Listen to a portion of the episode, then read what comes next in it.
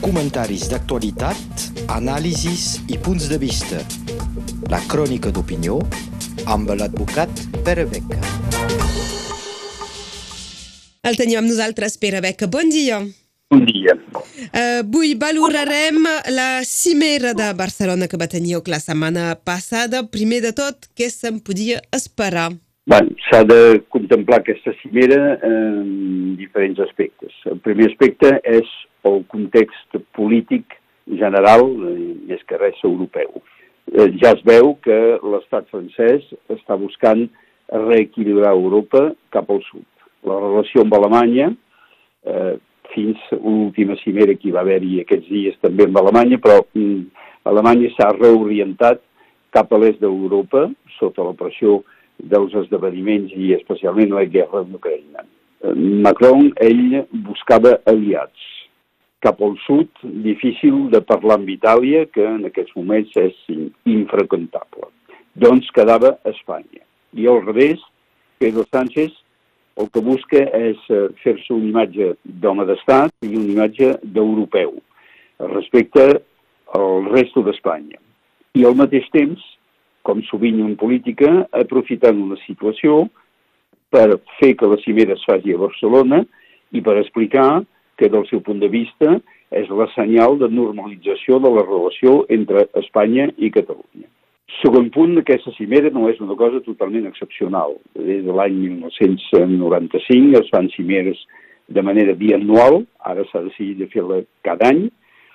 És una lògica respecte a tota la problemàtica europea, però també eh, per els temes eh, de problemes energètics, perquè Espanya està al vell mig del camí d'importació d'energia des de l'Àfrica, el tema del tubo d'hidrogen que ha de passar sota el Mediterrani entre Barcelona i Marsella, i també, evidentment, el tema eh, de l'immigració que va creixent per la via peninsular eh, per la raó que Itàlia està tancant les seves fronteres. I la senyal més forta de que això és una preocupació major és que el propi ministre d'Interior francès, el senyor Darmanin, llavors que hi havia manifestacions importants a l'estat francès pel tema de jubilació, es va desplaçar i va passar quasi tot el dia a Barcelona. I a més d'això, aquesta cimera s'ha de posar en el context de les reaccions que ja ha generat.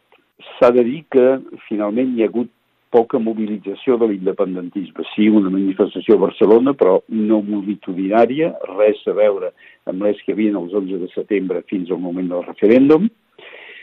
El paper jugat pel president aragonès que es va contentar del rol d'anfitrió i que no era invitat a la cimera pròpiament, eh, sinó per estar aquí eh, com a espectador, i doncs ell, amb una certa dignitat, va dir jo us obro les portes, però marxo de seguida, i va reafirmar que la qüestió de l'independentisme català, que la qüestió catalana en general, no estava gens normalitzada i va utilitzar, em sembla intel·ligentment, les eines que li eren proposades a nivell mediàtic. Doncs una cimera amb coses positives segurament, però eh, també eh, coses que deixen pendents eh, les preguntes eh, que ja ens feien fins ara. I pel que fa del tractat que s'ha signat, què se'n pot pensar?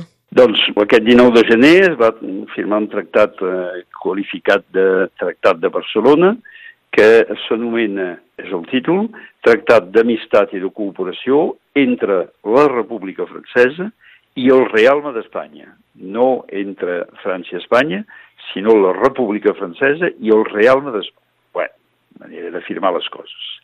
Aquest tractat té 36 articles amb una llarga declaració de principis eh, reafirmats, eh, de beneficis que s'han d'esperar d'aquest tractat, però nosaltres ja sabem que històricament d'ençà del tractat del Pirineus existeixen molts tractats, potser 10 o 12, entre França i Espanya, i que cap d'aquests eh, no ha portat realment una cosa beneficiosa per als catalans.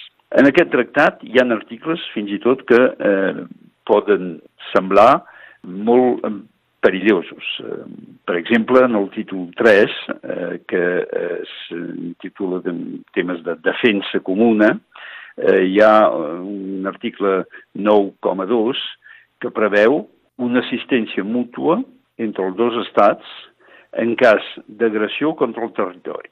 Què vol dir això? Que si hi ha un altre referèndum a Catalunya es pot contemplar com una agressió al territori espanyol i es pot demanar l'assistència de l'estat francès. Evidentment que aquest govern actual d'Espanya segurament no ho farà, però imaginem que demà hi hagi un govern d'extrema dreta a Espanya, que no és gens impossible. Què passarà? Hi ha un moviment independentista i es demanarà l'apoyo de la policia francesa per anar en contra dels independentistes i el mateix a l'article 11, que s'entra en més detalls. Hi ha tota una sèrie de definició d'utilització d'equipaments conjunts i entre aquests equipaments conjunts la possibilitat d'organitzar conjuntament operacions de seguretat.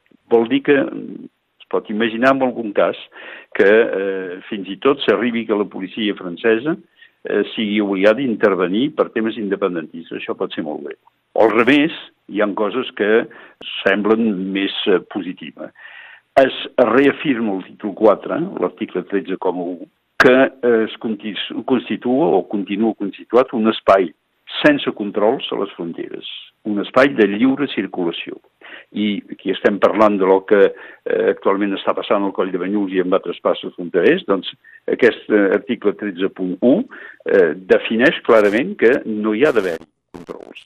El mateix, l'article 15.9, lluita contra incendis, passatge possible immediatament per totes les entitats de defensa d'incendis de banda i banda. En aquest cas, avui dia, les pedres del coll de Banyús són eh, una dificultat.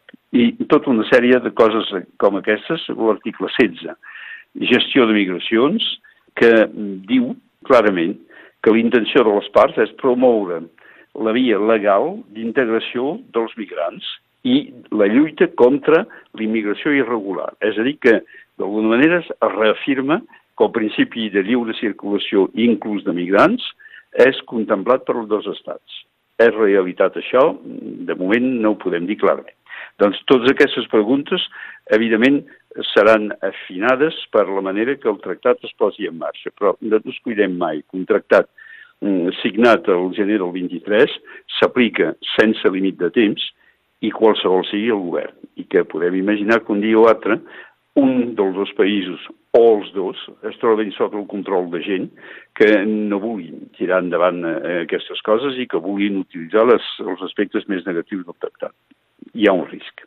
I com es pot valorar de cara al català precisament aquest tractat? Doncs mirin, en 36 articles no hi ha ni una paraula sobre de la llengua i la cultura catalana, Eh, no hi ha ni una referència a les altres llengües, com si els estats francesos i espanyols tinguessin por de dir nosaltres com a estat fem servir l'idioma majoritari, en castellà, el francès, però també tenim altres idiomes que poden ser eines de col·laboració, inclús econòmiques. Això no els hi entra al cap, no acaben de poder dir-ho, i no hi ha ni una paraula sobre el tema del català. Evidentment que mai les coses són totalment negatives en, aquestes, en aquests eh, estats. El pacte entre dos estats eh, és oficialment un pacte amb ambició de reforçar col·laboració europea i, per tant, Europa, ella permet i contempla les llengües dites minoritàries. Però, per tant,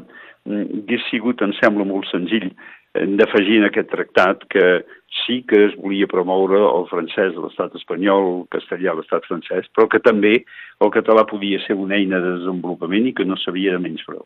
Queda que la, la, la situació dels estats, i, i recordo encara una vegada que és un pacte entre la República Francesa i el Real d'Espanya, eh, contempla una situació jurídica eh, sense eh, tenir en compte de la realitat política social i que, per exemple, el fet de dir que la crisi catalana està acabada i que està tancat el tema significa no un desconeixement, sinó una voluntat de no eh, tenir en compte de la realitat de la, de la situació. I és això que molt probablement farà que aquest tractat no tingui tots els efectes que potser en esperen els eh, que l'han signat. A nosaltres, com catalans, eh, en aquests moments ens falta una mica la capacitat de mobilitzar des del món polític. Però es veu en coses com la mobilització per als passos que a nivell de població és una realitat de cada dia que la gent contempla i que si els estats això ho volen negar i ho volen deixar fora, a un moment o altre, els hi saltarà la cara perquè, perquè no pot ser d'un altre camí. I això és el que podíem dir avui, la valoració d'aquesta cimera de, de Barcelona i el, i el tractat que s'hi ha signat. Uh, moltes gràcies, Pere Beca. Gràcies a vosaltres i fins a la setmana entrant. Comentaris d'actualitat, anàlisis i punts de vista. La crònica d'opinió amb l'advocat Pere Beca.